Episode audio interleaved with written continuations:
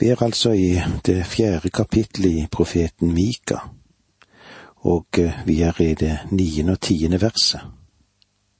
Akkurat her glir det en sky foran solen, og det er mange bibelforskere som tror at de neste to versene henviser til det babylonske fangenskap, og så leser vi sammen vers ni og ti. Men nå, hvorfor skriker du så sårt? Er det ingen konge hos deg? Er han som rår over deg blitt borte, siden du vrir deg som i fødselsvær? Skrik og vri deg, Sions datter, som en fødende kvinne, for nå må du dra bort fra byen og bo i villemarken. Du skal komme til Babel, men der blir du berget. Der vil Herren løse deg ut fra sine fienders hånd. Dette er så spesielt at jeg tror ikke at det kan henvise til noe annet enn det babylonske fangenskapet som kom med Sydriket. Når eh, Mika her retter sin tale til Sions datter, så henviser han til Sydriket, Juda. Det ordet som interesserer meg her, er fødselsvær. Personlig kan jeg selvfølgelig ikke tale om fødselsvær. Jeg har ingen personlig erfaring i det. Men den ene halvdel av den menneskelige familie vet ikke hva det vil si å slite med fødselsvær. Bare kvinnene blant oss kjenner til det. Fødselsveene de kan være sterke, og de kan være meget tunge å komme gjennom. Og det er vel ikke noe menneske som kunne tenke seg eller orke å gå gjennom dette i en lang tid. Det må være en temporær tid. Det må være en kort periode. Det bildet som Mika tegner for oss her, er at Nebukaneser tar Jerusalem. Han kom for å erobre Jerusalem tre ganger og den tredje gangen ødela han tempelområdet. Han la det fullstendig i ruin. Han jevnet byen med jorden og brente den. Lidelsen for judafolket ble beskrevet som en kvinne som var i fødselssmerter. Dette må gjelde en kort periode for folket, ellers ville det ikke fortsatt eksistere. Denne slags smerte kan ikke foregå for alltid, fordi ingen kunne ha tålt å holde på med det i lang periode. Det ville ha vært for grusomt. Og bare smertene ville ikke ha resultert i en fødsel engang. Fødselssmertene er spesielle fordi de leder til nytt liv. Av grunner som allerede er nevnt, vil også den store trengselsperioden være kort. Jesus gjorde jo dette helt klart i Matteus 24, 22. Om den tiden ikke blir forkortet, vil ikke noe menneske bli frelst. Men for de utvalgtes skyld skal den tiden forkortes. Nå må du dra bort fra byen og bo i villemarken. Du skal komme til Babel. Da Nebukaneser erobret byen, behøvde ikke de innbyggere som ikke var drept, å skjule seg i området omkring. Men til sist ble de ført som fanger til Babylon. La meg gjøre deg oppmerksom på det faktum at Mika i disse to versene ser forbi den asyriske erobringen av Israel, og han beskriver den senere erobringen av Juda og fangenskapet i Babylon og i det neste øyeblikk, der profeterer han om utfrielse. Men der blir du berget. Der vil Herren løse deg ut fra dine fienders hånd. Selv om de skal være fanger i Babylon, vil Gud fri dem fra dette fangenskapet. Vi vet fra historien at Gud fridde dem gjennom Kyros' hånd det poenget Mika understreker her, er at fødselssmerten og lidelsene for Guds folk vil ende i glede. Vi vil nå se litt på den langsiktige fremtid. I den avsluttende delen av dette kapitlet så beveger Mika seg til den fjernere fremtid, tiden for den store trengselen som vil komme, og spesielt den avsluttende striden, krigen ved Harmageddon. Vi leser vers 11 i kapittel 4. Nå har mange folkeslag samlet seg mot deg. De sier, Sion er vanæret. Vi ser på henne med skadefryd. Nå har mange folkeslag samlet seg mot deg. Det at Mika nevner mange folkeslag, bekrefter at han nå flytter seg fra babylonernes invasjon og taler om noe annet her. At mange folkeslag samler seg mot Jerusalem, blir nevnt av flere av profetene. Vi har eksempel på dette i Joels boken kapittel tre, Zakaria kapittel tolv og 14, Esekiel kapitlene 38 og 39. Alle disse henviser til striden ved Harmageddon under den siste trengselsperioden vers tolv. Men de kjenner ikke Herrens tanker og forstår ikke Hans plan, og samle dem som korn på treskevollen. De kjenner ikke Herrens tanker og forstår ikke Hans plan. De vet ikke hva Gud vil komme til å gjøre. De skjønner ikke at dette gjør Herren for å skille agnet og hveten. De samler seg mot Israel i blinde og er ikke oppmerksom på at Gud fører dem dit som en del av sin dom. Vers 13 Stå opp og tresk, du Sions datter, for jeg vil gi deg horn av jern, og du skal få klover av kobber. Du skal knuse mange folk og vie deres bytte til Herren, deres gods til hele jordens Herre. Stå opp og tresk, du Sions datter. Verdens nasjoner er som kornbånd på treskegulvet, og det er Israel som skal foreta treskingen. I dag er Israel en svak nasjon og absolutt avhengig av andre nasjoner.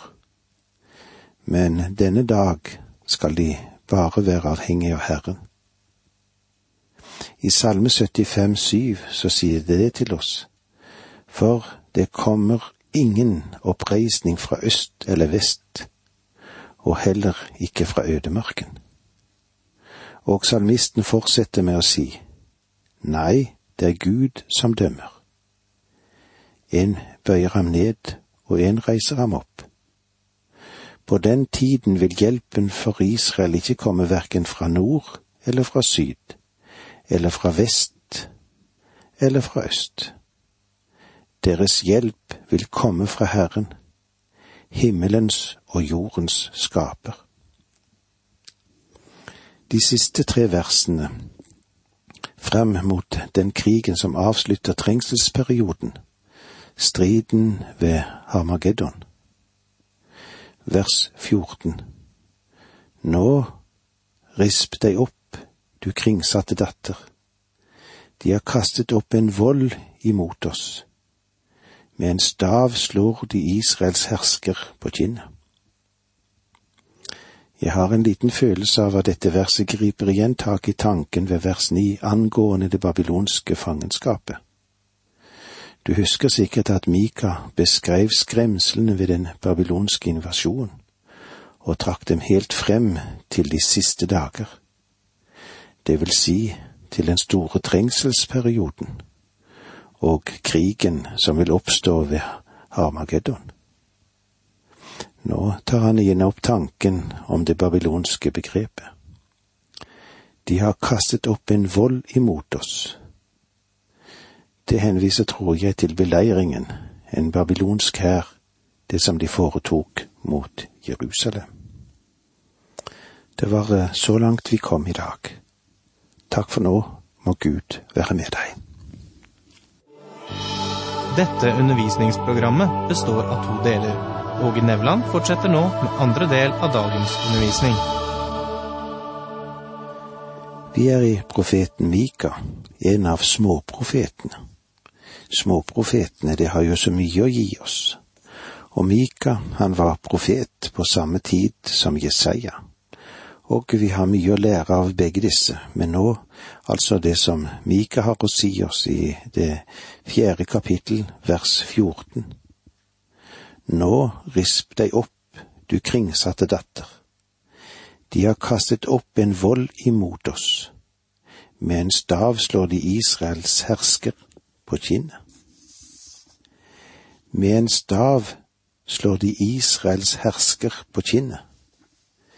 Det er de som mener at hersker her henviser til den Herre Jesus Kristus.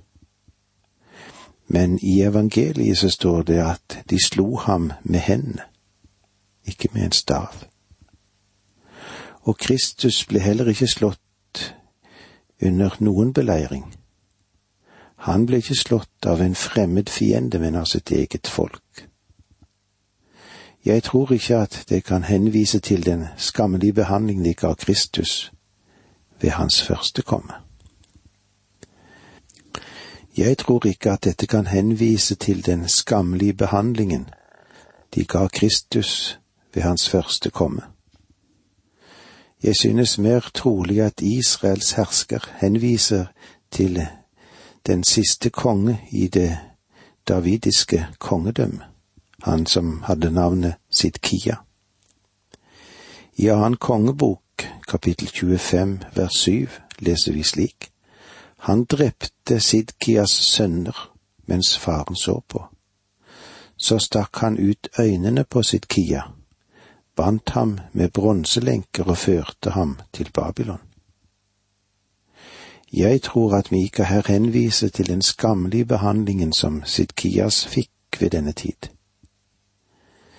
Det er en beskrivelse av det som ser ut til å være det endelige nederlag for Davids linje på tronen. Men Sidkia var ikke Davids direkte etterlinje. Du husker kanskje at Jojakin gjorde opprør mot kongen i Babylon. Han sto imot ham til å begynne med. Men så førte Nebukadneser, altså babylonerkongen, ham i fangenskap og så ble Jojakin satt på tronen. Senere ble også han tatt til fange. Og i annen kongebok, kapittel 24, vers 15, leser vi slik.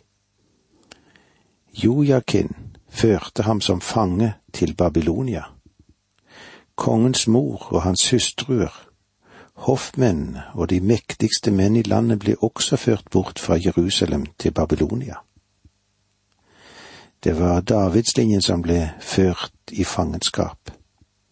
Og fra denne slektlinjen kom både Josef og Maria, altså Jesu mor. Men så satte Nebukadneser sitt Kia, onkelen til Jojakin, på tronen i Jerusalem. Da han gjorde opprør mot Nebukaneser, ble Nebukaneser trett av å bevare det kongelige overhodet i Jerusalem.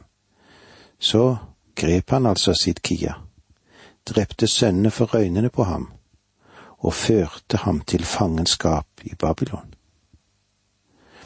En skulle kanskje tenke seg at ved dette skrekkelige inngrep var Davidslinjen over for alltid, som den kongelige etlingen, og at Guds løfte til David om at en av hans ett skulle herske for alltid, aldri ville bli fullbyrdet.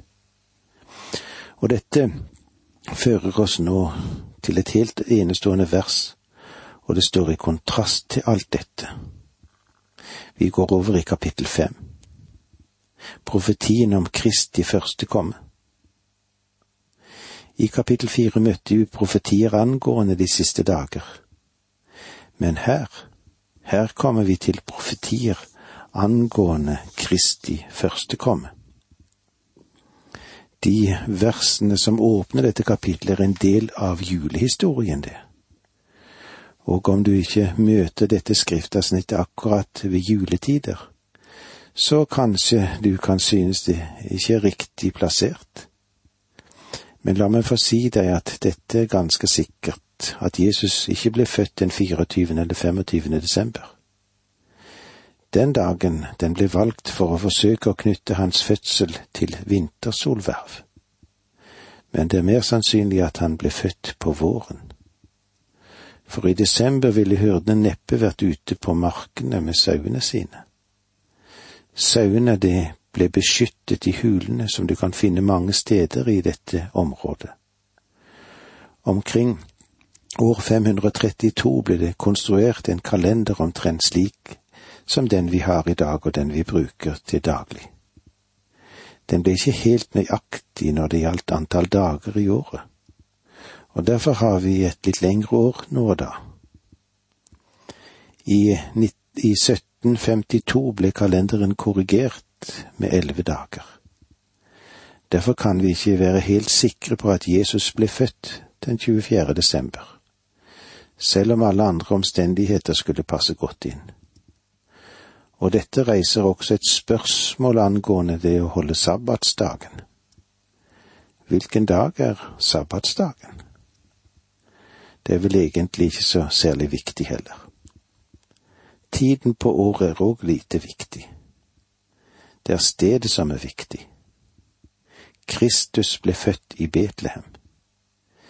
Det er det historiske faktum. Dette faktum er blitt bekreftet ved historien. Og så leser vi det første verset i kapittel fem i Mika. Men du, Betlehem Efrata, den ringeste blant ættene i Juda. Fra deg lar jeg komme en mann som skal være hersker over Israel. Han har sitt opphav i gammel tid han er fra eldgamle dager. Men, lille ordet men, er en liten konjunksjon som viser frem den andre siden av mynten. Men du, Betlehem, på tross av det som hadde hendt med Sidkia og Davidslinjen, den som ble avbrutt gjennom fangenskap, og som senere vendte tilbake til Israel som jordbrukere, denne ene i Davidslinjen skal komme.